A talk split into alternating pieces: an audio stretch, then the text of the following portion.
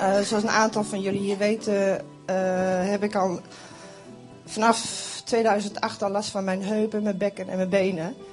En door genezing en een gebed van Jan Zuistra heb ik deze week totaal geen pijn gehad. Voor het eerst sinds twee jaar. Maar daar wil ik nog even aan toevoegen. Want eh, heel veel mensen die denken dat je een uitgebreid gebed nodig hebt. Maar ik ben alleen door een korte handoplegging ben ik genezen. Dus een heel groot gede- gebed is helemaal niet nodig. Amen. Am- goed zo. Nou, dat- nou, dat mag je best laten zien. Ja. Luister, een van de opdrachten van Jan Zijlstra is, is, is aan ons als leiding van de gemeente ook van jullie moeten gaan, meer gaan bidden voor genezing in jullie diensten. En er zijn heel specifiek bij niet als de dienst afgelopen is, dat deden we heel vaak. Hè. Dus we dachten van ja, we moeten niet de hele gemeente eh, al die tijd van hun vragen. Maar zei, je moet in je diensten ook geza- gezamen als gemeente voor genezing blijven bidden. Nou, dat hebben we dus een paar keer gedaan. En onder andere eh, de, een broer van Jin, eh, die gaat eigenlijk naar een andere gemeente. Die, die, ja, die, dus die is er niet altijd. Af en toe is hij er. Maar die, is, die hebben voor gebeden in, eh, in de dienst. Ik weet niet of je nog weet, hij had iets met zijn arm. Want hij helemaal niet, niet kon bewegen, had ongeluk gehad. En zegt, die, op, dat moment, op dat moment leek het alsof er niks gebeurde. Maar die avond was hij thuis en, en begon God te bewegen in keer in zijn arm. En kon hij alles weer bewegen. En sindsdien nog steeds. Ze kwamen tegen op de markt een keertje. En, en God wil dit doen. God wil dit doen. Is er iemand vandaag die zegt: Ik wil dat jullie als hele gemeente voor mij gaan bidden? Voor, voor een lichamelijke genezing. Jezus wil zijn kracht laten zien. In ons midden. Zodat iedereen gaat zien wie die is. Willem, kom maar.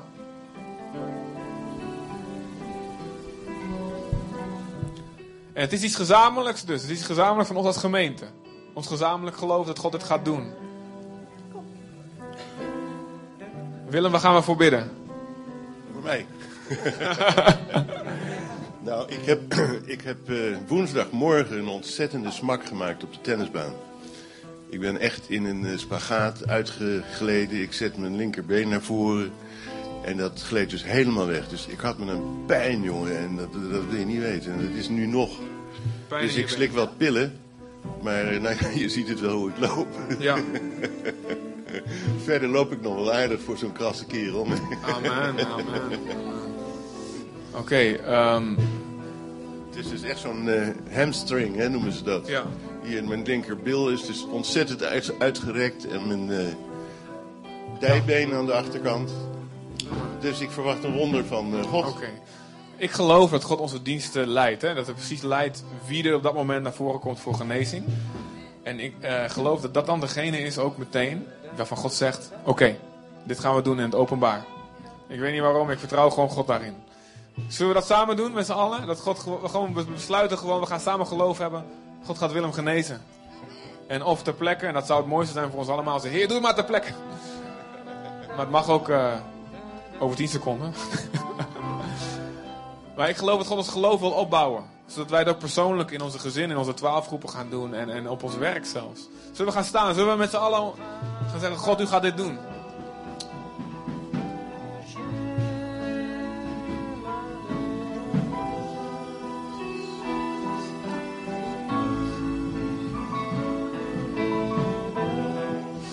Dank u, Heer. Vader, u bent een God van wonderen, Heer. En u bent onze God, Heer. Heer, we zetten onze geloof hier vast aan u, Heer. Heer, want u bent onwankelbaar, Heer. U bent onwankelbaar, Heer.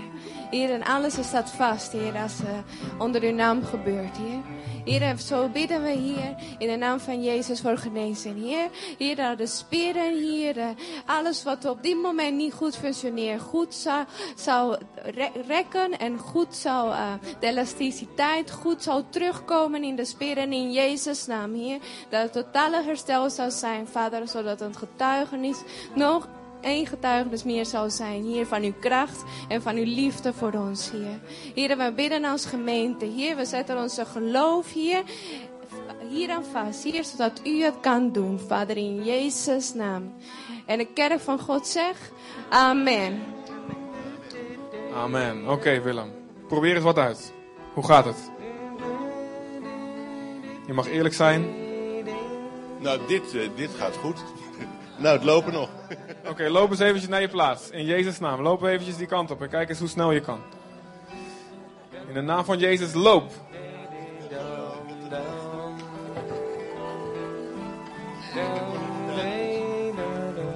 Dat heb ik, eh, heb ik nooit gedaan.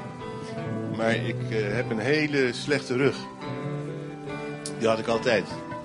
Ik heb namelijk eh, een aantal wervels die los zitten. En die zijn dus eh, te bewegelijk, waardoor je rug inzakt.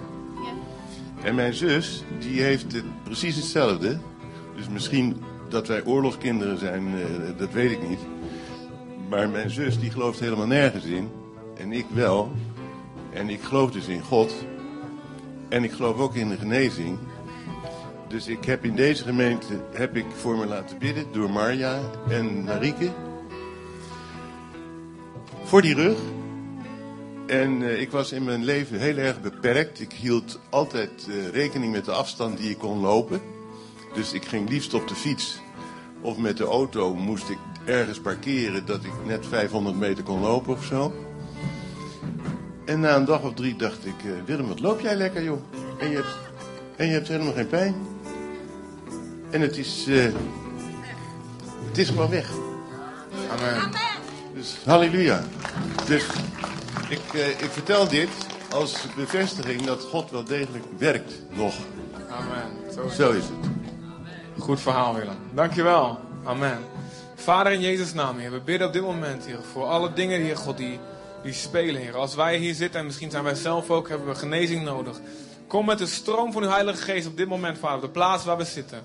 Leg gewoon, leg gewoon de hand op je, op je plek waar je ziek bent, of op je hart, of op je eigen hoofd. Heer, dank u wel, Vader, dat u hier bent om ons aan te raken, Vader. Dat u zegt, Heer, in, de, in de 1 Korinthe zegt u, het, ons lichaam is voor de Heer, maar de Heer is er ook voor het lichaam. In Jezus' naam, Heer, u heeft onze, uw ziek, onze ziekte op u genomen. Aan het kruis, zegt in. Uw striemen zijn voor ons genezing geworden. Kom en genees op dit moment. We spreken tot ons lichaam om gezond te zijn in de naam van Jezus. Vader, u bent welkom, Heer. U bent welkom, Heer. Dank u wel,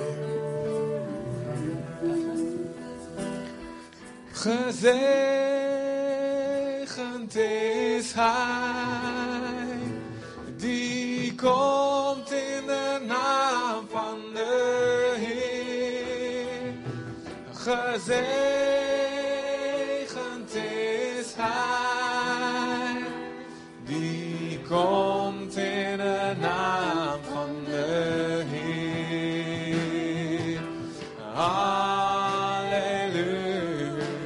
Halleluja. Halleluja.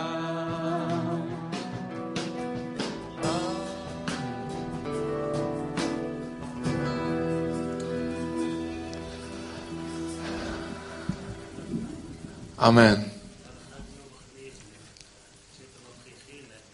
Ik heb iets met een koffiezetapparaat. Dat, dat, ik ben zo bang dat ik sport ga een keer. En dan moet die kam weer vol zijn en dan moet ik weer zetten. Ja, nee, goed zo. Ik ben gewoon niet vrij van dat. eh. Eh, Dus je wil eigenlijk dat we daarvoor bidden. Nou, zullen we dat doen? Wie heeft geloof voor dat je koffiezetapparaat het goed gaat doen? Ik geloof dat voor God alles belangrijk is. Wat jou bemoedigt in je geloof. Amen. Samuel, je zit naast hem. Wil je, voor, zullen we, samen- wil je bidden? Nou, heer, u hoort eh, de toestand van deze man hier. Dat het koffiezetapparaat, niet wil werken. Wij bidden gewoon in Jezus' naam. Ja, hij dat hij, werkt nog wel. Wat hij niet werkt, dan raak ik in paniek. Heel raar, Oké. amen. ja, heer, we bidden dat eh, deze man niet meer in paniek raakt als het koffiezetapparaat niet werkt of niet naar zijn eh, denken werkt. In Jezus' naam. Amen. We vragen een zegen over de koffie. In Jezus' naam. Amen. Voor God is helemaal niet erg. Hartstikke goed. Voor God is alles wat een mens bemoedigt in zijn of haar geloof belangrijk. We hebben ook handen op auto's gelegd en gezien wat er gebeurt, daarna gebeurt. En tele- telefoons hoor ik hier. God eh, is groot en een teken van een groot iemand is dat niks voor hem of haar te klein is. Amen. Oké.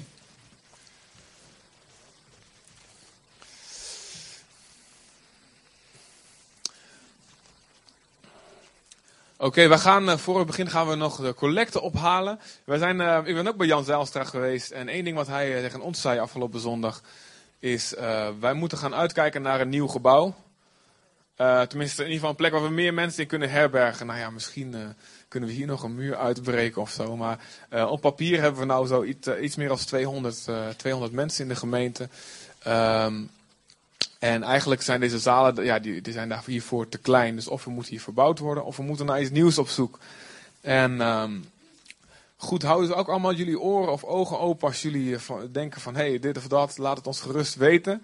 Eh, dit zou een goed pand zijn, dit zou een goede oplossing zijn. Laat ons gerust weten. Maar ook financieel betekent het van... ehm, betekende dat we er aan toe moeten zijn. Dus ehm, nou, sommigen van jullie hebben de collecte al gegeven. Maar ehm, ik wil jullie vragen ook om... eh, ja, La- laten, we, nu het officiële moment eventjes doen. eh, voor de, wat ik zei net van, we gaan het nou niet doen. Laten we nu even officieel, officieel geven aan de Heer en bouwen aan zijn huis. Amen. Vader, we bidden u, Vader, voor, eh, voor deze gemeente, ook voor onze gemeente die u ons gegeven heeft om te bouwen. Heer, we geloven dat u daar in de tijden en het seizoen dat u bezig bent, Heer. Dat u alles op de juiste tijd doet, Heer. En we geloven dat, eh, dat u deze stad, Vader, Heer, niet alleen één, niet alleen ons, maar ook andere kerken. Dat u grote en sterke kerken wil geven, Vader. Heer, die een invloed hebben, Vader, op de hele stad op en, om hen heen, Vader. En die de volheid van uw hart laten zien, Heer. Uw kracht en uw liefde. Heer, een familiegevoel, Heer. Heer, en, en, en eh, genezing van een hart. En Vader, u weet wat we daarvoor nodig hebben, Heer. En ik bid in Jezus' naam, Heer, dat u ons zegent, Vader God, met overvloed, Vader. Zodat we uw huis kunnen bouwen, Vader. En uw huis prioriteit kunnen geven, Vader, Heer. Financieel, Heer, in onze, ook in onze dienen, Vader, Heer, in onze gedachten, Heer, in onze relaties, Heer. Dat uw huis prioriteit zal hebben, Vader God. Heer, zodat u iets kan bouwen om vele mensen te redden. Nog veel meer, Vader God. We willen niet alleen denken aan onszelf, Heer, wij die al binnen zijn, wij die u al kennen. Maar we willen denken aan iedereen in deze stad die nog verloren gaat zonder u, Vader God. Heer, eh, raak ze aan, red ze, Vader God. En gebruik, Vader, alles wat wij bijdragen, Heer. Al is het maar een klein beetje wat we vandaag misschien kunnen geven. Gebruik alles en vermenigvuldig dat. Laat het in uw handen, zoals die broodjes en visjes vermenigvuldigen, tot iets wat genoeg zal zijn, meer dan genoeg zal zijn, voor een grote menigte. In deze stad, in dit land en zelfs over de grenzen. In de naam van Jezus. Amen. Amen. Oké, jullie mogen nog komen om jullie gaven te geven. Durven jullie dat zo zonder muziek?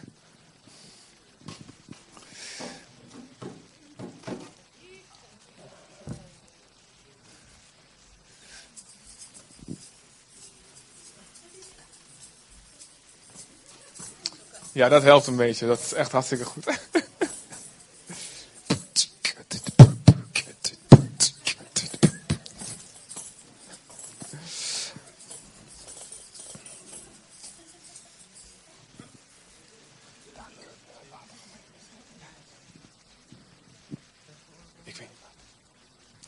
Oké.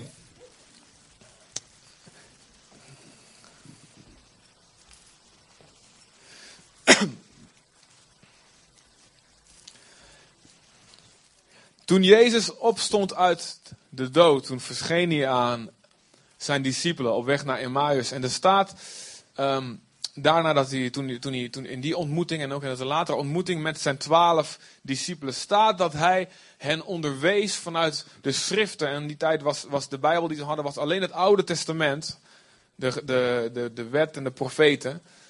Hij onderwees hen vanuit de Bijbel alles wat op hem betrekking had. En, en het viel me ook op in handelingen later ook zie je de eerste eh, predikers van de kerk. Die, ze leggen uit wie Jezus is. Aan de hand van teksten uit de Joodse geschriften, uit de, uit de Bijbel. En ik heb al een tijdje op mijn hart om daar eh, gewoon over te gaan beginnen. En eh, gewoon verspreid over de tijd vanuit het Oude Testament gaan uitleggen wie Jezus is. En ehm, heel, we zijn vaak op zoek naar wie wij zijn. Hè? Onze identiteit in Christus is een populair onderwerp. Ehm, eh, we- zijn, we zijn in een maatschappij die eigenlijk een beetje zonder identiteit is. Je merkt dat, dat, dat een godsdienst als de islam die komt op. En dan gaan we ons eigenlijk herbezinnen. Nou, wie, maar wie zijn we dan eigenlijk? We, we weten dat vinden we, ja, die waarden zo en zo, die vinden we niet fijn. Maar wie zijn wij dan eigenlijk? En Nederland is op zoek naar zijn eigen identiteit. En Daarom is het zo belangrijk voor ons als christenen dat wij weten wie we zijn. Maar ik geloof dat weten wie wij zijn begint en zijn basis heeft in het weten wie Jezus is. Dus ehm, ik, ik weet niet of, ik elke, of we elke week hiermee verder gaan. Ehm, misschien dat we, dat af en toe een paar achter elkaar zullen doen en dan even weer een pauze. Maar ik wil verspreid over aankomend jaar veel hierover gaan spreken. Wie is Jezus vanuit de Bijbel? En ehm, eh, dat zal misschien wat anders zijn als, eh, als normaal. Dat je hoor je van nou, we gaan over een onderwerp hebben, dan hou je daar teksten bij. We gaan nu eigenlijk, eh, wat ik in ieder geval vandaag wil doen, is naar de tekst kijken en daaruit halen wie Jezus is. En wat dat betekent voor ons.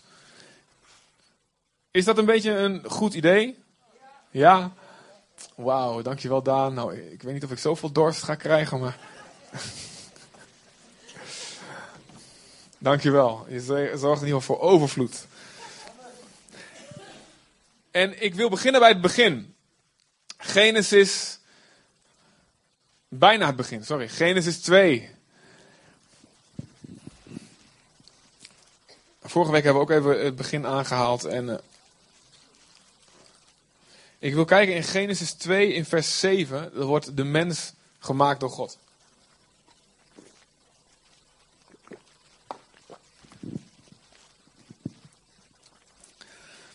Mm.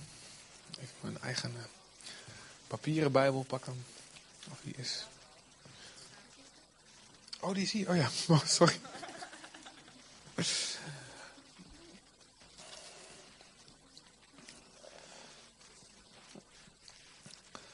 Toen maakte God de Heer de mens. Hij vormde hen uit stof, uit aarde, en blies hem levensadem in, in de neus.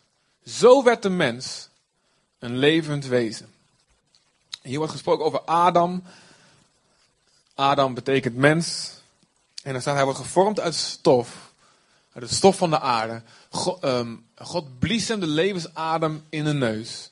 En zo werd de mens een levend wezen. Het is leuk om te weten dat het woord voor adem en geest hetzelfde is in het Hebreeuws. En wind ook. Dat is allemaal ruach. hetzelfde woord. Dus als er staat God blies de levensadem in zijn neus, dan staat er eigenlijk ook God blies de levensgeest, een geest van leven in de neus van Adam. Hierna valt de mens in zonde. Ze eten van de verboden vrucht en God zegt vanaf nu af aan zul je sterven. Vanaf nu af aan zul je sterven. Adam werd nog in, in, de, in, de 900 jaar. Maar je ziet met name na de zonsvloed zie je de leeftijd van de mens ook steeds korter worden. En uiteindelijk zo eh, zegt God, nou ja, rond de, rond, de, rond de 80, 90 jaar, dat is een beetje wat jullie gemiddeld gegeven is. Staat in de psalmen. De mens sterft af zonder God. In 1 Korinthe 15 vers 47. En ik, en ik uh, ben heel dankbaar aan Jolanda die er snel weer achter is gekropen om mij van teksten te voorzien. 15 vers 47.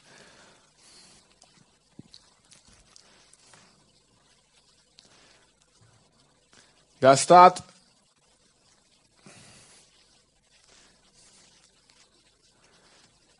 De eerste mens kwam uit de aarde voort en was stoffelijk. De tweede mens is hemels. En hieromheen staat nog meer. Hieromheen staat nog meer. Misschien even naar de volgende ook gaan. Vers 48 en 49. Ieder stoffelijk mens is als de eerste mens. Ieder hemelsmens is als de tweede. En nog even de volgende. Zoals we nu de gestalte van de stoffelijke mens hebben, zo zullen we straks de gestalte van de hemelse mens hebben. Het eerste wat we hier kunnen vinden in dit verhaal is: Jezus is de tweede Adam. Of ook wel de laatste Adam. Wat dit betekent is: jij bent, als je gelooft in Jezus, een lid van een nieuw ras geworden. Adam bracht mensen voor die op hem leken. Er staat heel specifiek, hij bracht mensen voort naar zijn aard.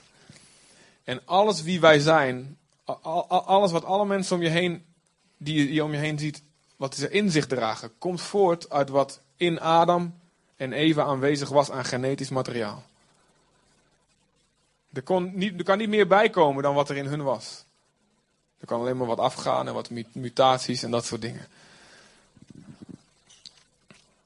En alles wat, wij zijn, komt uit hun voort. En wij lijken dus op onze eerste ouders. De Bijbel zegt dat wie in Jezus is, wie in Christus is, is een nieuwe schepping. Het oude is voorbij gegaan. Het nieuwe is gekomen. En zoals we in Genesis zagen, dat God vormt de mens uit stof. En dan heb je op zich een lichaam nog zonder geest. En daarna blaast hij de levensadem in. Zo doet God dat ook met ons als nieuwe schepping. God vormt ons en neemt ons niet meer vanuit de aarde, maar, maar neemt, materiaal vanuit de hemel, vanuit Jezus. Een stuk van het lichaam van Jezus ben jij geworden. Op het moment dat je gelooft. Je bent een deel geworden van zijn lichaam. En wat er dan gebeurt. Je wordt niet alleen opnieuw geboren, maar God vult jou met. Ruach, met geest. Met een levensadem. En hij maakt jou een levend wezen. Maar nu niet, niet, niet, niet, niet alleen met een leven wat eindigen zal, maar wat voor altijd door zal gaan. Jij bent in Jezus een nieuwe schepping. We hoeven niet bang te zijn voor wat komt na de dood. Want we zijn voor eeuwig verbonden met God. Door Jezus. Dus het eerste wat we hier zien is. In Jezus zijn wij een nieuwe schepping. Jezus is de tweede Adam. En jij bent niet meer lid van de club van de eerste Adam. Maar jij bent een afstammeling van de laatste Adam. De volmaakte mens. Jezus. Dat is wie je bent.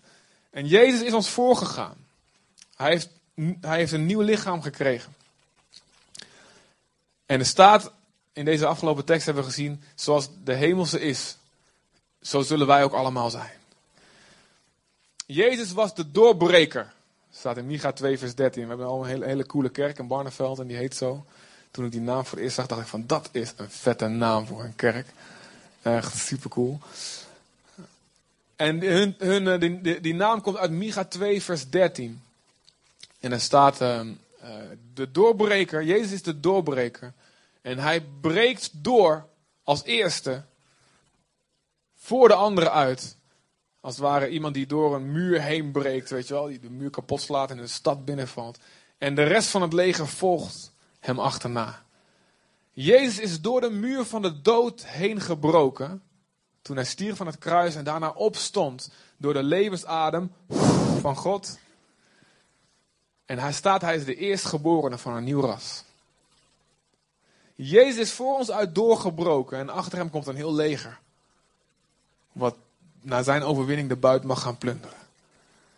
Wij zullen ook in hem door de dood heen breken.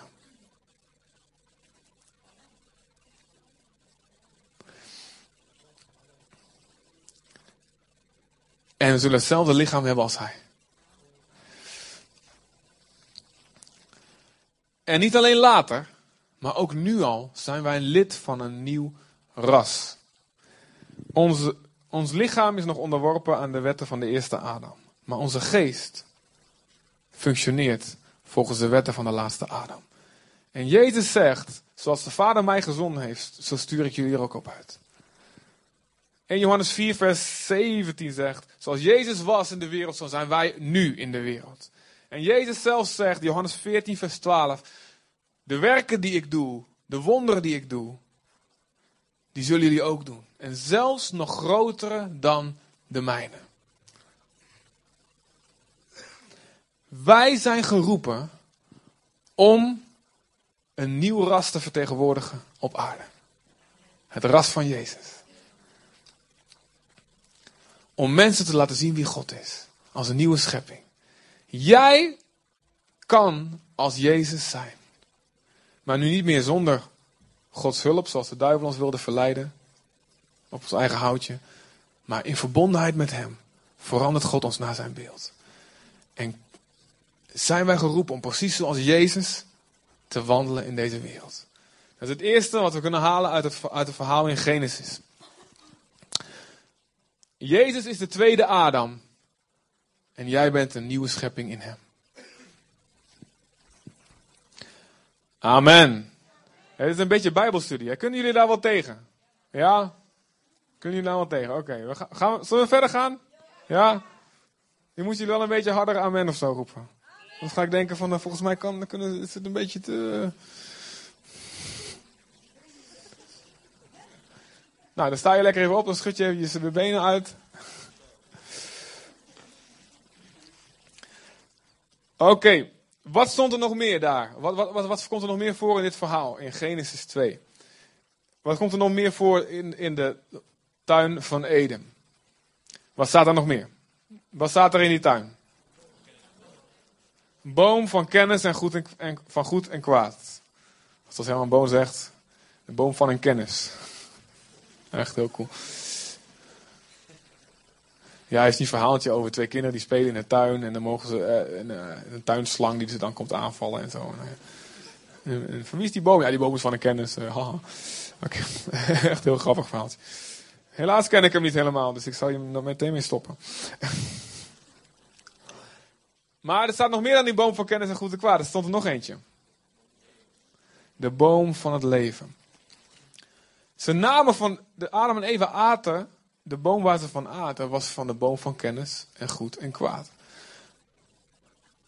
Er stond er nog één naast. En God zegt, op het moment dat, op het moment dat ze in zonde vielen, en in plaats van op God op de duivel begonnen te lijken, zei hij nu, ehm, dat staat in hoofdstuk 3, vers 22.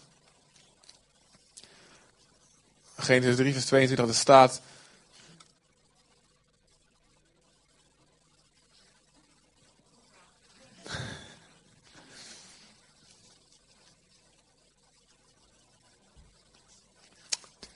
Ondertussen doe ik een dansje. Nee, country kan ik niet zo goed. Nee. God zegt dan, nu is de mens aan ons gelijk geworden. Nu, hij, nu heeft hij kennis van goed en kwaad. Nu wil ik voorkomen dat hij de vruchten van de levensboom plukt. Want als hij die zou eten, zou hij eeuwig leven. Dus die tweede boom, God zegt, daar mogen ze nu niet van eten. Anders zouden ze eeuwig leven. Dit is een. Het eerste wat je denkt, is dit is een straf van God, dit is een oordeel. niet meer eten, jongens, je, hebt, je bent stout geweest, je hebt gezondigd. Niet eten van die boom. Niet eeuwig leven. En het is in feite ook zo, maar als je het van de andere kant bekijkt, eigenlijk is het de liefde van God. Is het de genade van God, waardoor hij dit zegt. Want als een, als zondige mensen voor eeuwig zouden leven. Wie kent die film van de Highlanders? Ja, wie kent dat? Uh, even hand omhoog, dan weet ik. Oké, niet zoveel mensen. Ik, ik, heb vroeger een half stukje, half, half gezien ook. Ik weet ook niet meer hoe het afloopt of zo. Maar ik weet alleen nog, dat waren, dat waren van die superhelden en die leefden dan voor eeuwig. Maar ze waren niet zo lief. En ze waren aan het vechten met elkaar. En ja, dan hadden ze ook, oh ja, 500 jaar geleden heb ik ook een beetje gevochten. En dan blablabla door alle eeuwen heen. Echt van die nare mannetjes. Stel je voor. Zondige mensen die voor eeuwig leven. Stel je voor. Een Adolf Hitler en een Jozef Stalin nog steeds in ons midden. En, en, en het is de genade van God dat zondige mensen niet eeuwig leven. Wat moest God, God doen? God had het is niet zo dat hij dat op dat moment ter plekke bedacht. God had een plan en heeft een plan om ons uiteindelijk toch van die boom van leven te laten eten. En het tweede wat ik vandaag zeg, ik zei, eerst wat ik zei, Jezus is de tweede Adam. Het tweede wat ik vandaag zeg, Jezus is de vrucht van de boom van het leven.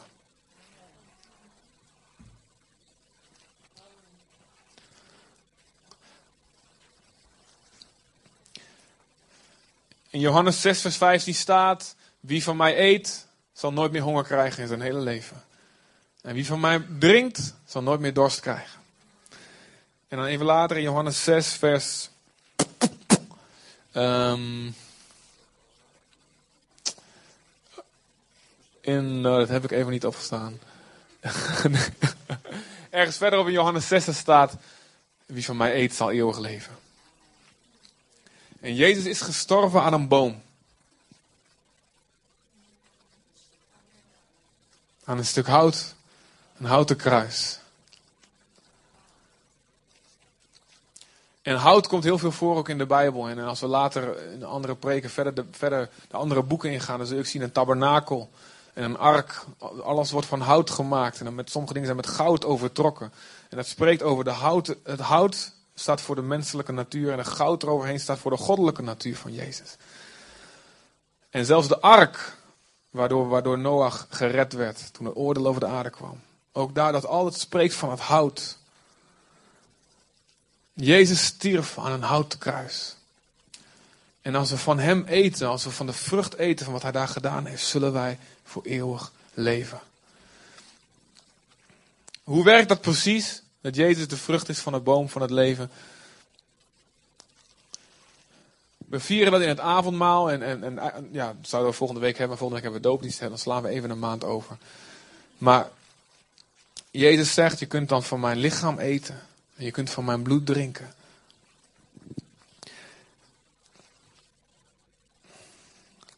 De boom van kennis en goed en kwaad, die, dat, dat, dat staat voor dat wij zelf inschatten. Dat wij zelf proberen rechtvaardig te worden voor God.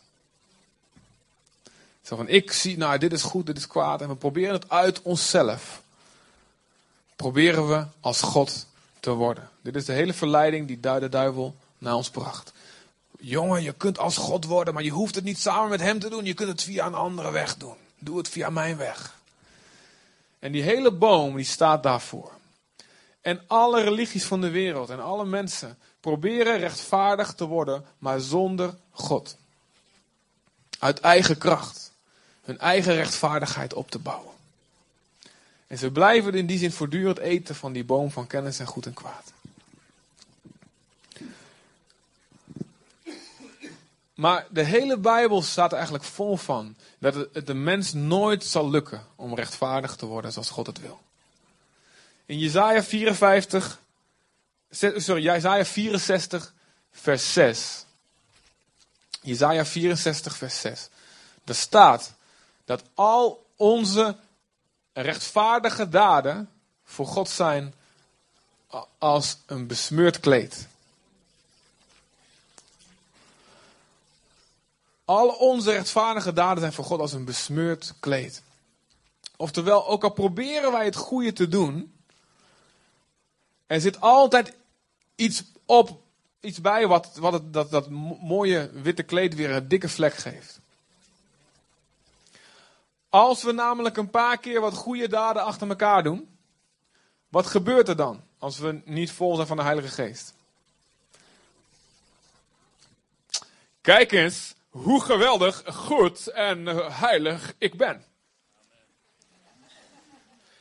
Ik hoop dat iemand me nu gezien heeft hoeveel oude vrouwtjes ik zojuist heb helpen oversteken.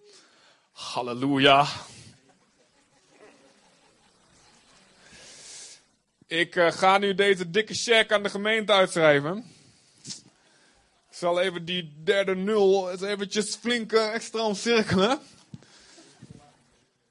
Oh, oeps, ik laat hem vallen. Oh, oh sorry, ik heb, laten, ik heb hem laten vallen. Deze machtigingskaart. Zo.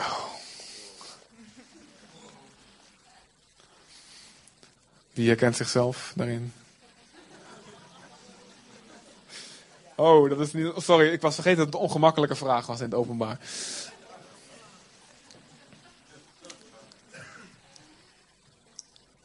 Onze rechtvaardige daden zijn als een bezoedeld kleed voor God. Wat zijn dat soort dingen?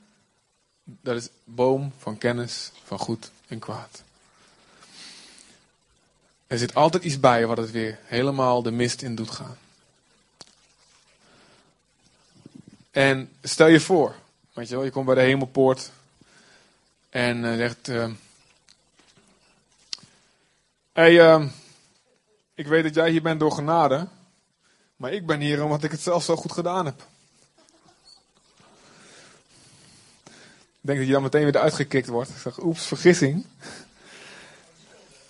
God zegt, eet van de boom van het leven. En het begint met het erkennen dat wij zelf nooit rechtvaardig kunnen worden.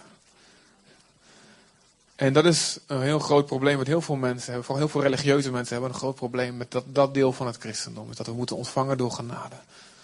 En dat we moeten erkennen, hoe had ik het ook geprobeerd, lukt me niet.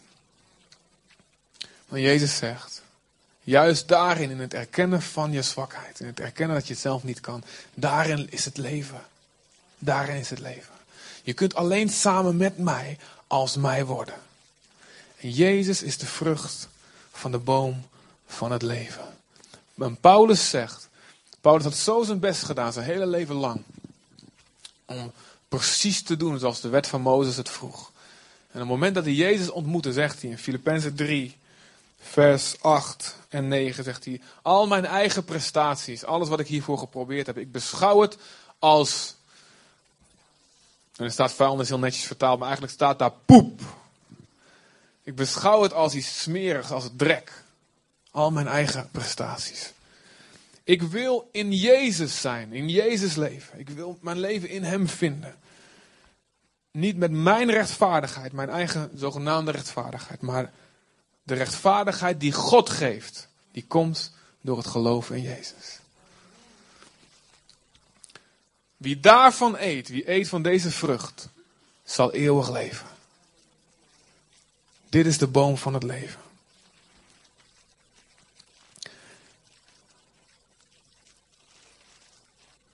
Een andere manier dat we kunnen eten van Jezus is omdat Jezus het levende woord. En we kunnen van zijn woord eten. Jezus zegt, een mens zal niet leven van brood alleen, maar van elk woord wat uit de mond van God uitgaat. In Ezekiel 3 vers 3 zegt God tegen de profeet Ezekiel, hier heb je een boekrol. Eet hem op. En hij at hem op en het werd zoet als honing in zijn mond. En zo mogen wij de woorden van God tot ons nemen. En weet je wat er gebeurt met voedsel? Je lichaam is zo ingesteld dat het haalt alle voedingsstoffen eruit. Nou, de rest wat niet nodig is, dat, dat, ja, dat verdwijnt ergens op een plek waar niemand het ziet, waar de zon niet schijnt, zeg maar. En, maar de voedingsstoffen, die worden een deel van ons. En ze zeggen wel eens, wat je, je bent wat je eet. Nou, gelukkig is dat niet helemaal waar. Zeker niet als we varkensvlees gegeten hebben of zo. Hè. Anders zouden we allemaal hele grote frikandel speciaal zijn of zo. Maar wel de goede dingen eruit, die neem je lichaam op. Zo geldt het ook met de woorden van God. De woorden van God zijn 100% goed. Je geest is gemaakt om dat op te nemen, om het in je op te nemen. Dit is hoe we kunnen eten van Jezus. En een andere manier dat we kunnen eten van de boom van het leven, is door de wil van God te doen. Johannes 4, vers 34 zegt: Mijn wil, mijn, mijn voedsel is de wil te doen van wie mij gestuurd heeft. Jezus zei: Wil je wat eten van me halen? En, en de discipelen gingen, gingen een eindje op zoek naar een uh, Kentucky Fried Chicken. En in de tussentijd, terwijl Jezus daar wacht, raakt hij in gesprek met de Samaritaanse vrouw. En hij kan lekker evangeliseren, kan lekker getuigen en, en lekker in de gaaf van de geest opereren. En die vrouw die komt tot geloof, een hele stad erachteraan. En die discipelen komen terug. Kun je nagaan wat je kan doen als iemand even eten haalt, wat je, hoe je tijd kan besteden. De discipelen komen terug met een bucket, een familiebucket met, met pootjes. En, en Jezus zegt, ik hoef niet meer, ik zit al vol. Ik zeg, wat? Wie heeft, wie heeft u stiekem eten gebracht? En mijn voedsel is de wil te doen van wie mij gestuurd heeft. Heb je al gegeten vandaag? Hey, met je volle mond. Heb je al gegeten vandaag? Heb je al de wil van God gedaan? Is het je voedsel? Ik weet nog dat de dag, het moment dat ik, dat ik, dat ik echt God zag, eh, dat ik voor het eerst zag wat Jezus voor me gedaan had. Dat mijn eerste gedachte was, ik hoef niks meer te vinden in mijn hele leven. Ik zit vol. Ik hoef niet. Jezus zegt, als je van mij eet, je zal nooit meer honger krijgen. Ik hoef, niks meer te, ik, ik, hoef niet meer te zoeken naar carrière, ik hoef niet te zoeken naar geld, ik hoef niet te zoeken naar aandacht of naar, naar populariteit of wat dan ook. Ik heb alles al wat ik moet hebben. En ik heb niks meer nodig. Dit is het.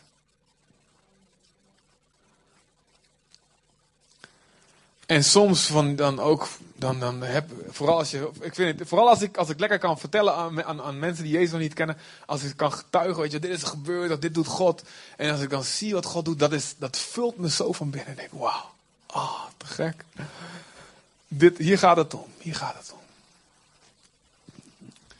Dit zijn allemaal manieren hoe we kunnen eten van een boom van het leven. Niet vertrouwen op onszelf, op onze eigen rechtvaardigheid. Eten van het woord van God en dus de wil van God doen. Amen. De boom van het leven is lekker, jongen. En als je niet van fruit houdt, volgens mij zitten ook dikke hamburgers aan en zo. En gewoon wat jij lekker vindt.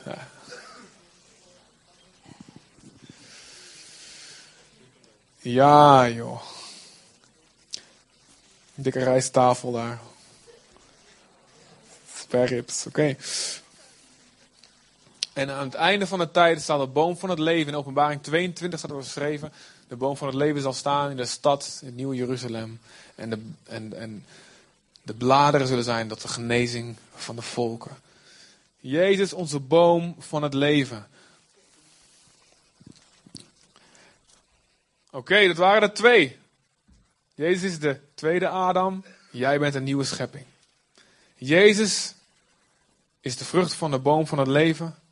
Jij mag eeuwig leven. Je buik kan gevuld worden met het woord en met de wil van God. Gaat die goed tot nu toe? Ja, is het goed? Of is het een beetje veel theorie? Gaat goed? Het derde wat je, wat je in dit verhaal kan lezen en is, zodra de mens eet van de, van de boom van kennis en goed en kwaad, God gaat naar ze op zoek. Hij, gaat, hij wil wandelen met de mens en zeggen, waar, Adam, waar ben je? Maar de mens had zich verstopt. Dit is wat er gebeurt met een mens die niet oké leeft met God. Ze gaat, gaat zich verstoppen. Gaat zich bedekken. Gaat zichzelf bedekken. Blaadjes zoeken. Om de boel eh, te verstoppen. en wegvluchten voor God. Uit het licht. Oh, het is met te veel licht. Straks zien ze al mijn, mijn puistjes en mijn mee-eters. Ik had gisteren, dit, is echt een bekentenis hoor. Gisteren was de bruiloft helemaal in de wit en iedereen moest in de wit komen. Kunnen jullie de zonderbeleidenis aan? Ja. iedereen moest in het wit komen en, ehm, nou ja, en, ehm, Nathalie had heel heerlijk maar mijn witte, witte blouse voor me gestreken, dus was helemaal klaar. Maar de, de broek had ik niet zo aan gedacht. Dus ik, zag- ik, zag, die broek en ehm, vlak voor ik wegging en toen zag ik in één keer eigenlijk zo'n zo'n een soort vlek, zeg maar. Twee dikke vlekken zaten daarin. Hier zo, precies hier. En mijn, shirt kon net niet zo, was net niet lang genoeg om die te kunnen bedekken. Dus ik was zo, ik zat, eh, ik was zo blij, dat stond zo'n mooie kansel, zeg maar. Waar ik achter kon staan gisteren. Dus ik dacht, als je dacht van waarom liep die jongen niet zo heen en weer gisteren, dacht ik, ja, ik stond daar een beetje die boel te bedekken achter die kansel van mijn witte broek. Moet je niet tegen Luc en Henriette vertellen, anders zei het. Als iets niet oké is, dan ga je jezelf verstoppen. Nou, dit is wat Adam en Eva deden. En daarna werden ze de verantwoording geroepen, wat heb je gedaan? En ze geven elkaar de schuld. Wat de schuld afschuiven begon. Altijd een reden zoeken waarom jij niet verantwoordelijk bent. En daardoor ook, hé, hey, wat maak je me nou? Zit je een beetje de schuld op mij af te schuiven? Verwijdering in relaties, de eerste conflicten ontstonden meteen. En daarna komt God met, en zegt, jongens, wat jullie gedaan hebben, heeft deze en deze gevolgen. De aarde werd vervloekt. De zwangerschap en de bevalling van een vrouw kwam, God zei vanaf nu aan zal het met pijn gepaard gaan. En de aarde zal niet vanzelf meer op zijn opbrengst geven, maar je zult er hard voor moeten werken. Maar God komt met de belofte, meteen, dat de slang verslagen zal worden. Johannes 3, vers 15. Sorry, Johannes 3, vers, ja, 3, 3 vers 15. Zegt God tegen de slang. Tegen de duivel. Genesis 3, vers 15, ja. Oh, Genesis 3, vers 15. Dat is ook een mooie tekst trouwens. Genesis 3, vers 15. Vijandschap sticht ik tussen jou, de duivel, en de vrouw. Tussen jouw nageslacht en het hare. Zij verbrijzelen jouw kop en jij bijt hen in de hiel. De vrouw was degene die in, in zonde gevallen was als eerste. Maar God zegt, ik ga de vrouw ook gebruiken. Om uit haar de overwinning te brengen.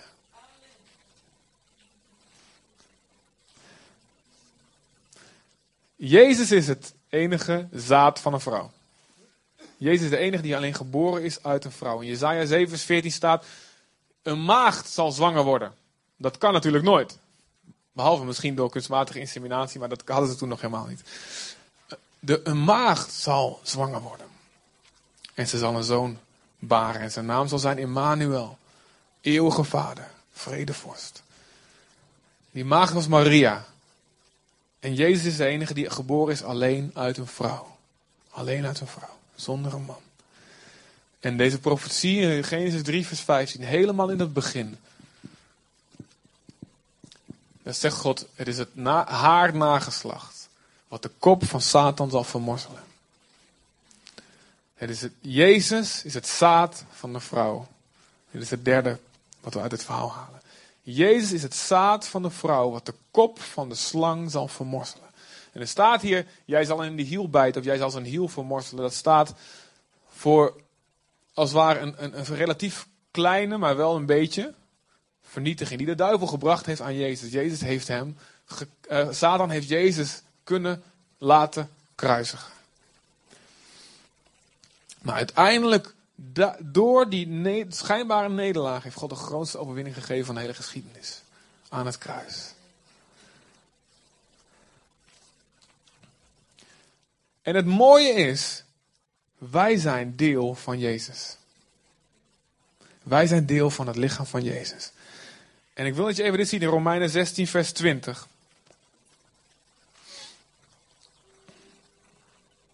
Romeinen 16, vers 20. Uh, NBV is goed, doe maar alles NBV.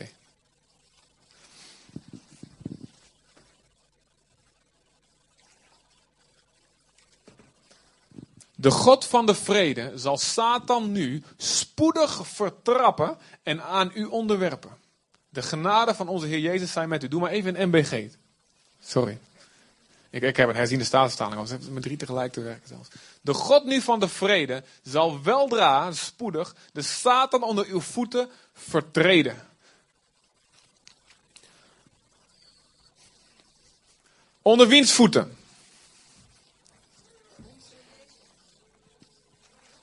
Wat staat hier? Onder uw voeten. Dat, zijn dus onze voeten. Maar wij zijn deel van Jezus' lichaam. Hoe vertrapt Jezus de slang?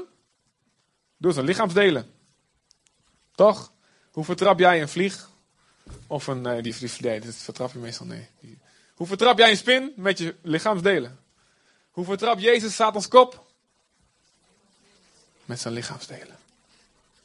Wie zijn zijn lichaamsdelen? Wie is hier een voet van Jezus? Come on. Ik heb maat 45, ik kan flink trappen. Satan, uh, Jezus gebruikt jou, gebruikt jou en mij, hier en nu, om Satans kop te vertrappen. Want wij zijn een nageslacht van Jezus. Wij zijn in Jezus, dus ook de vervulling van die profetie in Genesis 3, vers 15. God gebruikt jouw leven om de duisternis en slag toe te brengen. Als jij in je, in, in, gaat, gaat wandelen in wat God je gegeven heeft. Als jij de wil van God gaat doen. Als jij gaat groeien zoals God wil dat je groeit. Als jij luistert naar het woord. Je neemt het in je op. Je groeit. Je wordt sterk. En je gaat, je gaat doen. Je bent niet bang voor de vijand. Je gaat staan. Je gaat wandelen. Je gaat met vallen opstaan. Je gaat je leven leven dat God het bedoeld heeft. Dan zul je de kop van Satan verpletteren.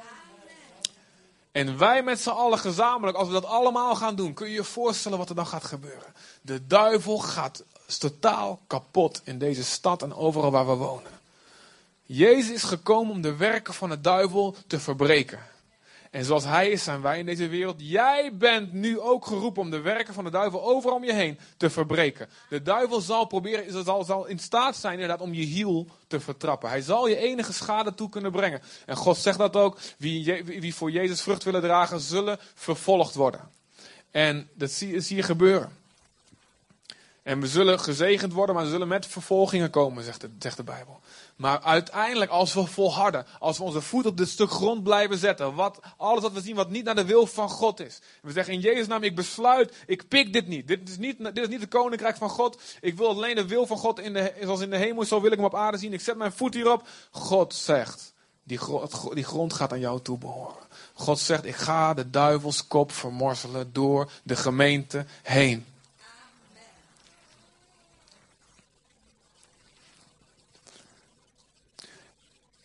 En het is zo mooi dat, juist, dat het juist door de vrouw gebeurt.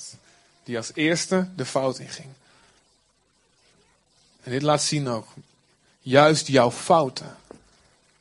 Juist waarin jij gestruikeld bent. Juist jouw zonde, juist jouw traumatische verleden, jouw slechte ervaringen. Als je het bij Jezus brengt. Gaat God juist dat gebruiken. Jouw grootste ellende. Om Satans kop extra te vertrappen. Zoals Jozef wat hem overkwam. Hij hield zijn hart schoon voor God. En God gebruikte dat om niet alleen hem, maar ook degene die het hem aangedaan hadden, te redden. Jouw traumatische ervaringen, jouw grote blunders. God wil ze gebruiken, omdat je, dat jij tot zegen zal zijn voor vele mensen. Amen, is dat niet geweldig? Dit is wat God doet. Oké, dus Jezus is de tweede Adam. En jij bent een nieuwe schepping. Jezus is de vrucht van de boom van het leven. En jij en ik, wij mogen eeuwig leven. En eten daarvan. Als een nieuw mens. Jezus is het nageslacht van de vrouw. En jij mag in hem de kop van de duivel vermorselen. Zoals Lucas ook zegt. Jezus zegt in Lucas, ik heb je macht gegeven op slangen en schorpioenen te treden. En de hele legermacht van de vijand. En ze zal je geen enkel opzicht kwaad doen. En het vierde. Jezus is jouw bedekking. Als je kijkt in Genesis 3, vers 17 tot 21.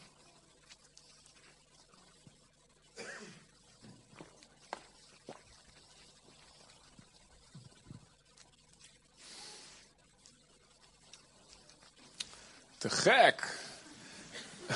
Uh, doe maar even in MBV, als je wil. Is dit te lezen? Is dit te lezen? Ja, is mooi zo, hè? Is goed zo, ja. Dit is echt heel cool. Nou, even in, ja. Oh. Zweten is een profetie voor iemand vandaag. Zweten, sorry. Dat is een mooie tekst voor het jeugdweekend inderdaad. Zweten zul je.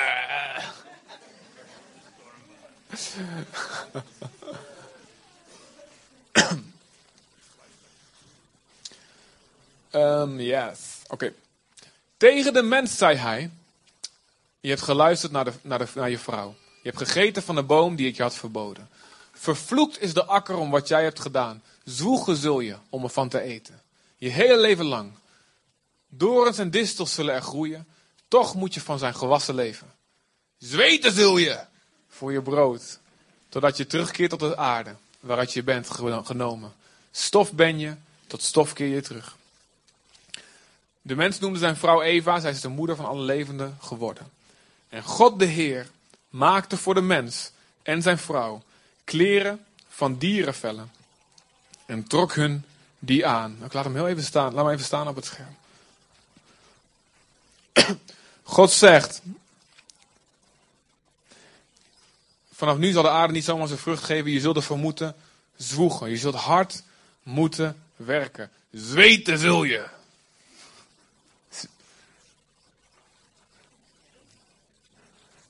Voor al het goede in dit leven, voor bijna al het goede, moet je hard werken. Wie weet dat dat waar is. Als je je handen omhoog wil houden, moet je moet kost energie. Als je een berg op wil fietsen, het kost energie. Als je niks doet, ga je vanzelf naar achteren. Daar hoef je niks voor te doen. Voor te, om, te om te vallen hoef je niks te doen. Je doet gewoon zo, laat je inzakken. Maar wil je staan, wil je beweging, wil je iets bouwen, je moet werken. Moet. Ga het even rechtop zetten daar in die hoek, zeg. Jongen, jongen. Je moet, je moet werken. Wil je rijk worden, dat zegt zelfs de Bijbel zegt dat. Spreuken 10 vers 4. Een trage hand, een hand die niks doet, die maakt arm. Maar een hand van een vlijtige, die maakt rijk. Wil je rijk worden, de Bijbel zegt, moet hard werken. Sommigen winnen de lotto. Goed.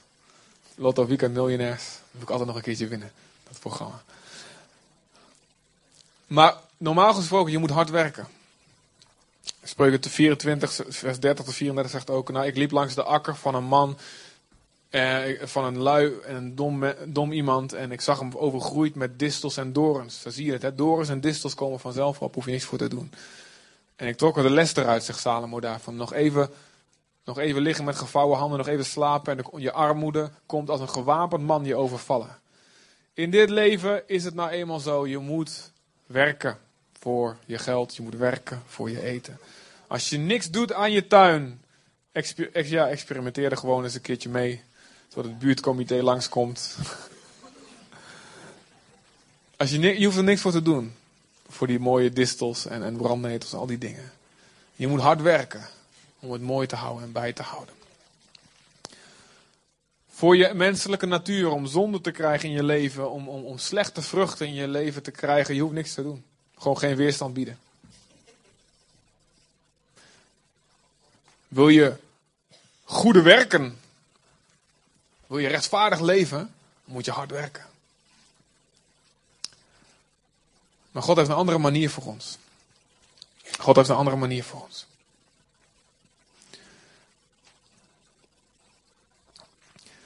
God staat hier onderaan. Dat God maakte voor de mens en zijn vrouw kleren van dierenvellen en trok hun die aan. Dus het eerste sterfgeval in de hele geschiedenis was niet Abel, maar was, waren deze dieren. Die hun leven gaven om een huid te geven, om bedekking te geven. Niet de bedekking die de mens zelf gaf. De mens zelf pakte iets wat groeide uit de aarde, die vanaf dat moment vervloekt was. De aarde was vervloekt en alles wat eruit kwam was vervloekt door God. Maar de mens pakte vijgenbladeren en bedekte zich daarmee. En God zei, "Ah, dat is niet goed. Er moet iemand sterven om jou te kunnen bedekken. Dat is niet genoeg wat groeit uit de aarde. Jouw eigen harde werken, wat jij, de vrucht van je eigen harde werken, is niet genoeg om jezelf te bedekken.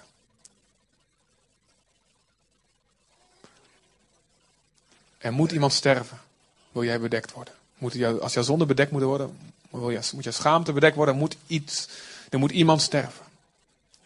Om jou te bedekken. Snap je het? Luister, vlak daarna heb je Kain en Abel. En Kain, ze allebei brengen ze een offer aan God. Ze denken van, ah, te gek, ze houden van de Heer. Nou, maakt het niet uit wat je doet, het is allemaal, allemaal goed. Maar Ka- Kain die bracht een offer, omdat hij een landbouwer was, van de vruchten van, het, van, de, van, de, van de grond. Maar Abel die bracht een van de eerstgeborenen van zijn dieren. En God, God zei, ik neem Kains offer niet aan. Een Abels offer neem ik wel aan. Ik, ik weet niet waar, het staat niet in de Bijbel, maar ik heb altijd zo'n gedachte, dat komt waarschijnlijk door de kinderbijbel of zo. Ik weet nog altijd van dat, dat, dat, de, de rook van, van Kains offer, die ging dan helemaal, helemaal allemaal alle kanten op, weet je wel. En die rook van Abel, die ging rechtstreeks zo, naar de hemel. Dat beeld heb ik altijd nog steeds erbij. Kijk uit wat voor kinderbijbel je koopt voor je kinderen. Straks gaan ze over preken en weten ze niet eens dat het niet eens echt in de Bijbel staat. God neemt niet aan wat wij zelf met hard werken proberen voor te brengen. Waarom? Omdat het niet genoeg is. Jouw eigen harde werken voor God, dat is niet waar je achter je achter kan verschuilen. Het enige waar, waar God gezegd heeft, dit is waarmee ik je wil, wil dat je je bekleedt, is met een offerlam. En in Galaten 3 vers 27. Laat hem maar even zien als je wil. Galaten 3 vers 27.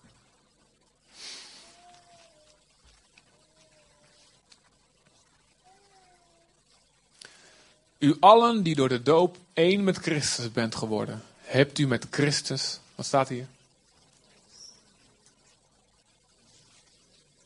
Hebt u met Christus omkleed. De bedekking die Adam en Eva van God kregen, was een, was een heenwijzing naar wat Jezus zou gaan doen. En dat we ons niet kunnen verschuilen achter onze eigen rechtvaardigheid. Uit wat voortkomt uit wat, waar wij hard voor werken, waar uit de grond naar boven komt. Maar alleen achter wat Jezus gedaan heeft. Jezus is ook, en dit is het laatste, allerlaatste punt, Jezus is het offer van Abel. Zo zie je al in dit ene verhaal hoeveel beelden van Jezus er te vinden zijn. En wat het leert over hoe wij ook met God moeten omgaan. En alleen in de, in, in, de tijd voor Jezus snapten de mensen, snapten, ze waren aan het zoeken, staat er. Nou, wat bedoelt God hier nou allemaal mee? En nu Jezus gekomen is en de Heilige Geest tot ons spreekt en in ons woont, kunnen wij de Bijbel lezen met nieuwe ogen. En kunnen we de dingen zien zoals ze bedoeld zijn door God. En de Joden zijn nu nog steeds niet geloven. Ze lezen de Bijbel met een hele bedekking voor hun ogen. Maar wij, de bedekking is weggehaald. De Heilige Geest wil je, leren, wil je laten zien in het woord van God wie Jezus is. En daardoor wie jij bent. Jezus is de tweede Adam. Jezus is de vrucht van de boom van het leven. Jezus is het nageslacht, het zaad van de vrouw, wat de kop van de Satan vermorzelt. Jezus is. de laatste? Jezus is onze bedekking. Het lam wat zijn leven gaf om ons een huid te geven. En Jezus is het offer van Abel. Is God niet goed? Het is soms goed om te zien vanuit zijn woord wie die is. En het brengt ons ook ons leven in een nieuwe licht. Ik wil vragen, zullen we, zullen we een moment eventjes gaan staan met elkaar? Bent, willen jullie komen? Willen jullie iets zingen? Gewoon over Jezus. Zing iets over Jezus. En we gaan gewoon...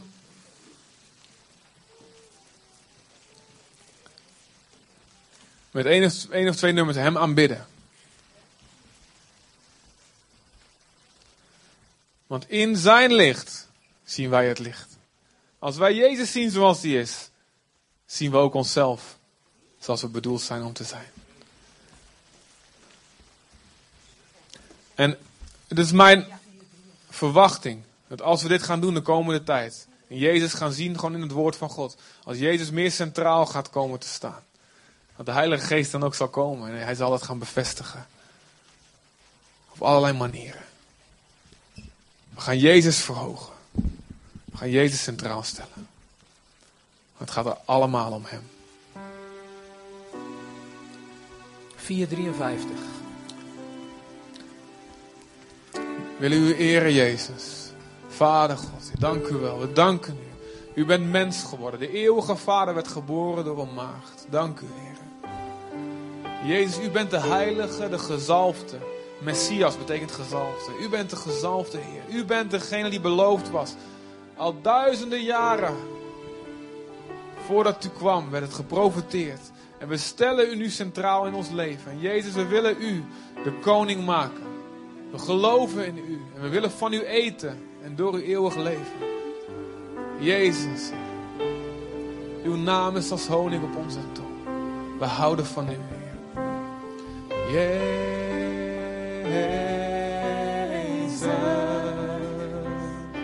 Verhoog hem.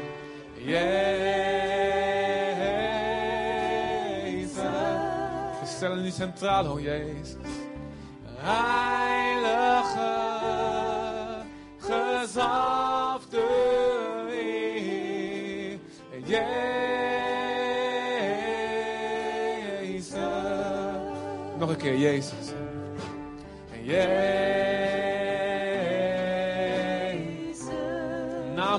Naam bent u, Jezus. Jezus. Opgestaan, de doorbreker. Opgestaan, verhoogd als Heer. En Jezus, uw naam is als honing.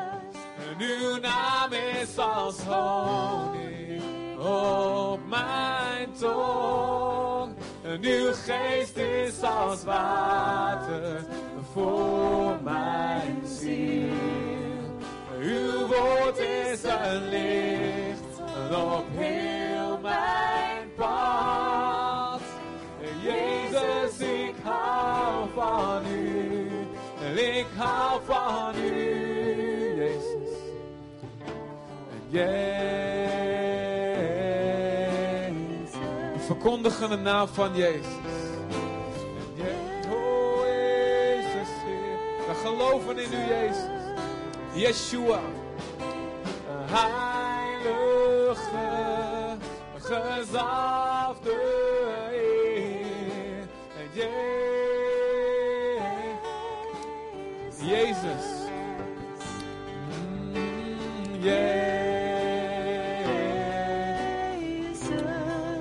Enige naam hoe we gered kunnen worden is naam. Jezus. Uw rechtvaardigheid. We bekleden onszelf met u. Opgestaan.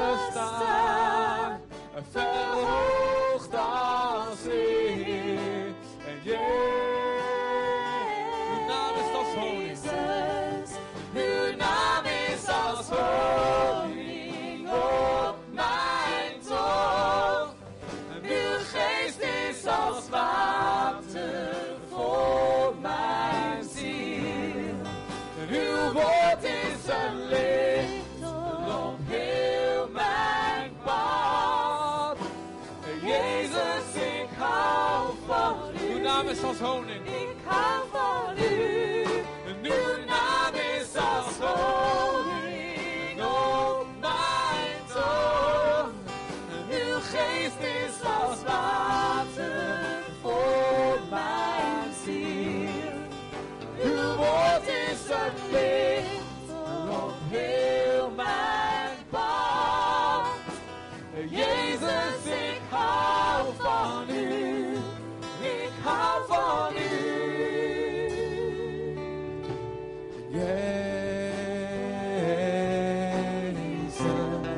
Zing zijn naam. De Jezus.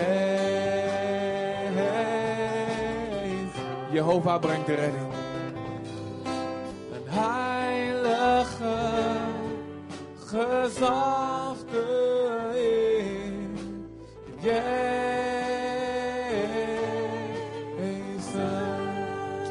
Dank u, Vader. Dank u, Heer. U bent. U bent de ware mens, door wie wij leven, door wie wij een nieuwe schepping zijn geworden. Dank u, Heer. Jezus, Heer, u bent, de vrucht van de boom van het leven, waardoor wij door de dood heen breken. Een eeuwig leven. Het doen van uw wil is ons voedsel. Uw woord is ons voedsel. 237. Jezus, u bent onze bedekking. En in u zijn we beschermd tegen elke pijl van de boze. In u. Als we onze zonde beleiden, bedekt u het met uw bloed. Als we ons bekeren, als we ons tot u omkeren. Als we u geloven, bedekt u ons. Niet met iets uit onze eigen kracht, maar met een volmaakt offerlam. En in u, hebben wij de overwinning over elke macht van de boze. Alles wat tegen uw wil ingaat, we onderwerpen het. We verpletteren het. We vermorzelen de kop van de slang. Dank u, Heer. We stellen u centraal. Als wij aanbidden,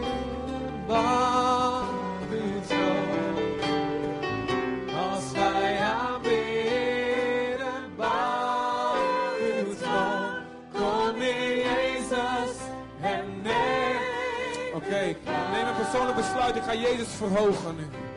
Jezus, wij verhogen u. Neem een besluit hem centraal te stellen. Wij erkennen u als... Dat het niet meer gaat om jou, het gaat niet meer om mij, maar om hem. U bent hier in ons midden. En onze lofprijs brengt u weer. En onze lofprijs geeft Kom en bouw het zo in ons leven. Jezus, Jezus,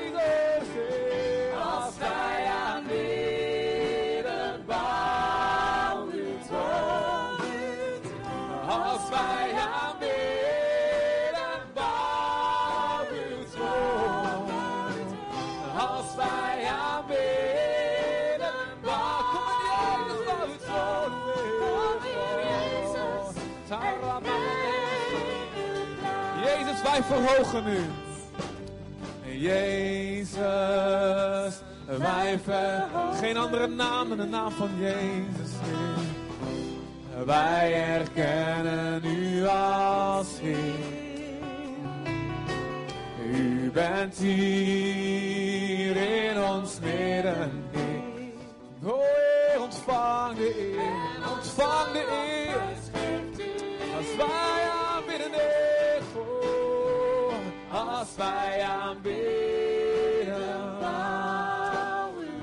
Oh Jezus. Als wij aanbidden, bouw uw troon. Als wij aanbidden, bouw uw troon. Kom in Jezus. En als wij aanbidden, bouw uw troon. Als wij aanbidden,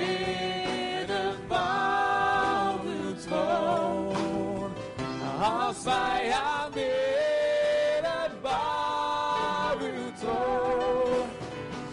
Als wij aanbidden, bouw uw troon. Kom hier Jezus en neem u. Kom hier Jezus en neem uw plaats. Kom in Jezus en neem. Kom oh Jezus, eh, kom in Jezus en neem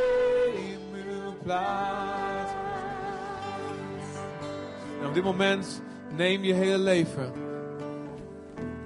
En zeg Jezus, ik stel u daar centraal. Jezus, ik verhoog u. Ik geef u de troon. Heer, in de relaties die ik heb. Hoe ik met mensen omga. Jezus, met wie ik wel, ik of niet verkering neem. Met wie ik wel of niet vriendschappen aanga. U gaat op de troon, niet langer ik. Nou, hoe ik mijn tijd besteed, mijn vrije tijd besteed. Naar welke websites ik surf.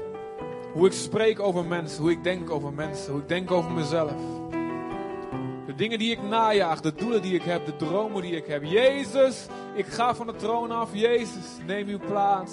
Bouw uw troon. En laat me zien, Heer, elke leugen die me nog gevangen houdt. Waardoor ik zelf nog of iets anders boven u kom te staan. Jezus, kom centraal te staan. Waarin ik zelf nog hard probeer te werken om uw gunst te verdienen. En niet rust in wie u bent en wat u gedaan heeft voor ons. En van daaruit, van daaruit gaat doen wat u door uw geest heen werkt.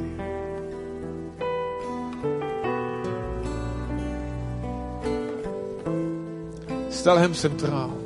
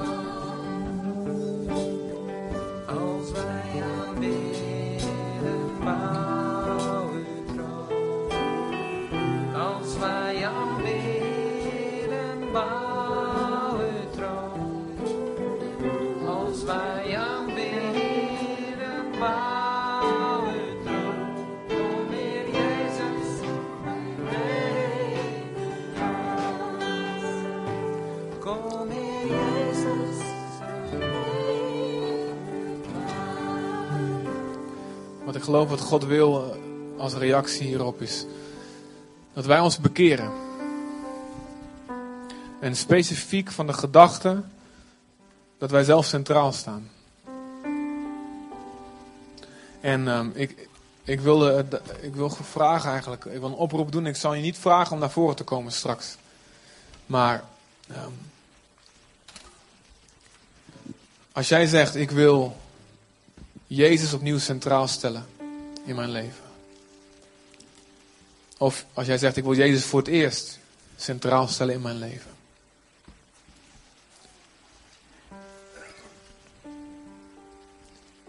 Je hebt voor jezelf geleefd. Altijd. Je hebt je eigen dingen nagestreefd. Je hebt hard gezwoegd om de aarde te bewerken. Maar niet vertrouwd op de bedekking die God je geeft. Je hebt gegeten van een boom van kennis en goed en kwaad. En je probeert het zelf heel hard. Je probeert er zelf te komen waar je wil zijn. Maar je ziet nu, en ik moet Jezus centra- centraal gaan stellen. Je gelooft de woorden die gesproken zijn vandaag. Misschien voor het eerst dat je zegt, ik wil mijn vertrouwen stellen op Jezus. Om in de hemel te komen. Om vergeven te worden. Misschien zeg je, ik wil nu mijn vertrouwen gaan stellen op Hem. Niet meer hopen dat wat, wat ik doe goed genoeg zal zijn. Dat die hemelpoort voor me open zwaait straks. Ik wil vertrouwen op Jezus. En dit is wat de Bijbel zegt. Vertrouw niet op jezelf, maar op Hem. Als jij zegt dat je dat wil doen, dan is nu het moment dat, je, dat de Bijbel zegt, bekeer je. Van het vertrouwen op jezelf naar het vertrouwen op Hem. Vertrouwen op Jezus. Maar ook anderen, je hebt al wel die keuze gemaakt. Maar je merkt, ik ben toch weer mezelf centraal gaan stellen. En ik wil gewoon vandaag tegen God zeggen, ik keer me af. Van mijn eigen manieren. Van mijn eigen dromen najagen. Dingen op mijn manier doen. Vasthouden aan hoe ik het wil hebben. En ik wil Jezus centraal gaan stellen.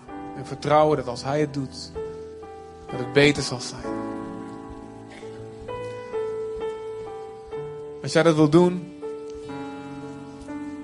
dan wil ik je vragen gewoon naar God toe. Even een moment gewoon je hand op te steken. Zeggen, ja, ik, ben, ik wil dat gaan doen. Je hoeft niet naar voren te komen hierna.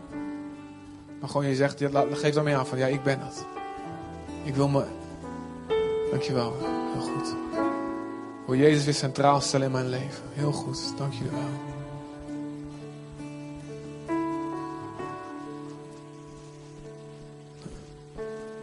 Vader, in Jezus' naam, Heer. Bid voor iedereen, Vader, Heer, die deze besluit nu maakt. We vertrouwen ook op uw woord als u zegt dat wie zich keert tot Jezus, die zal u vervullen met de Heilige Geest. Doe het op dit moment, Vader. Blaas uw levensadem in onze neus.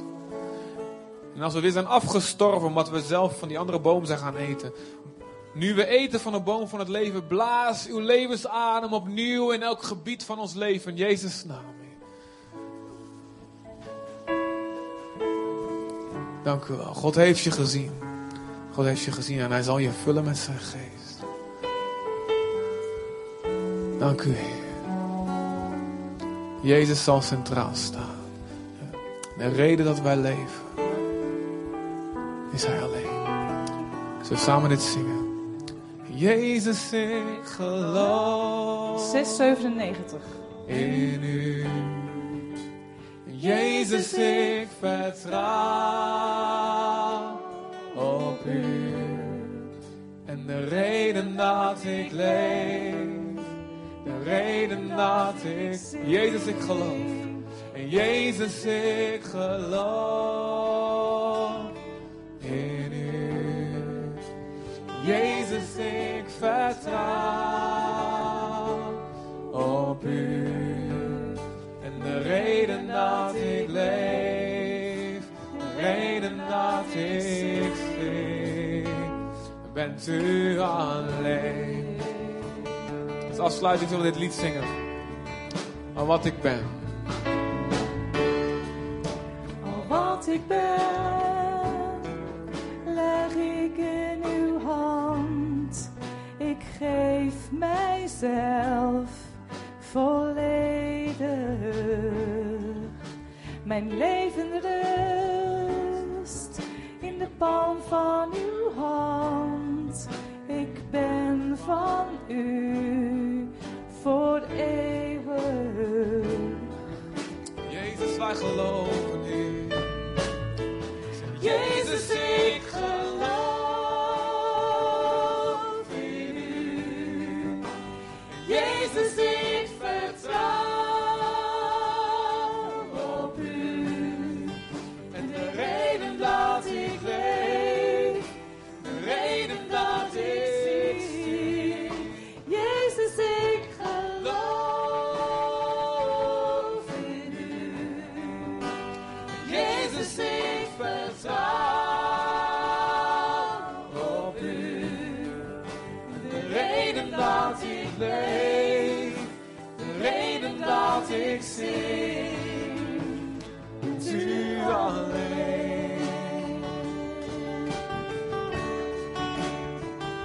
Zo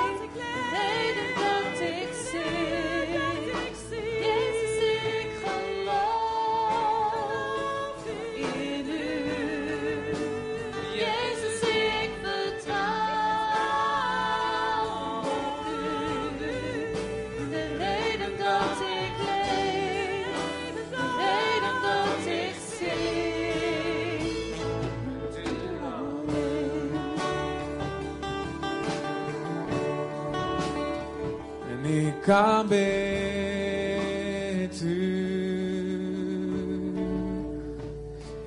kan bid. We worden weer verliefd op u, Jezus. We worden weer stapelgek op u, Jezus. We zullen blijven bij onze eerste liefde. Ik kan bidden. Ik kan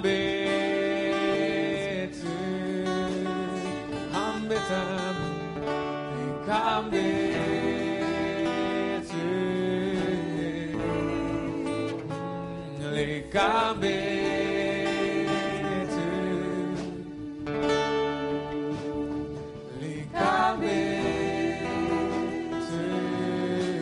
Ik vertrouw u.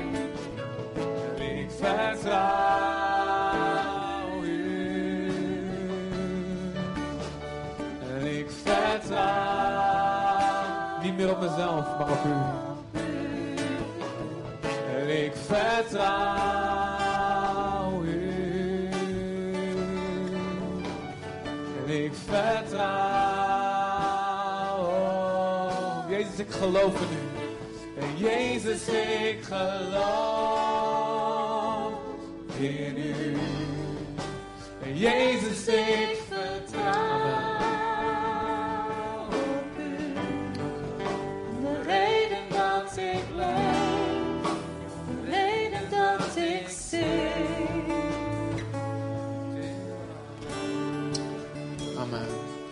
Jezus, u zal centraal staan in ons leven.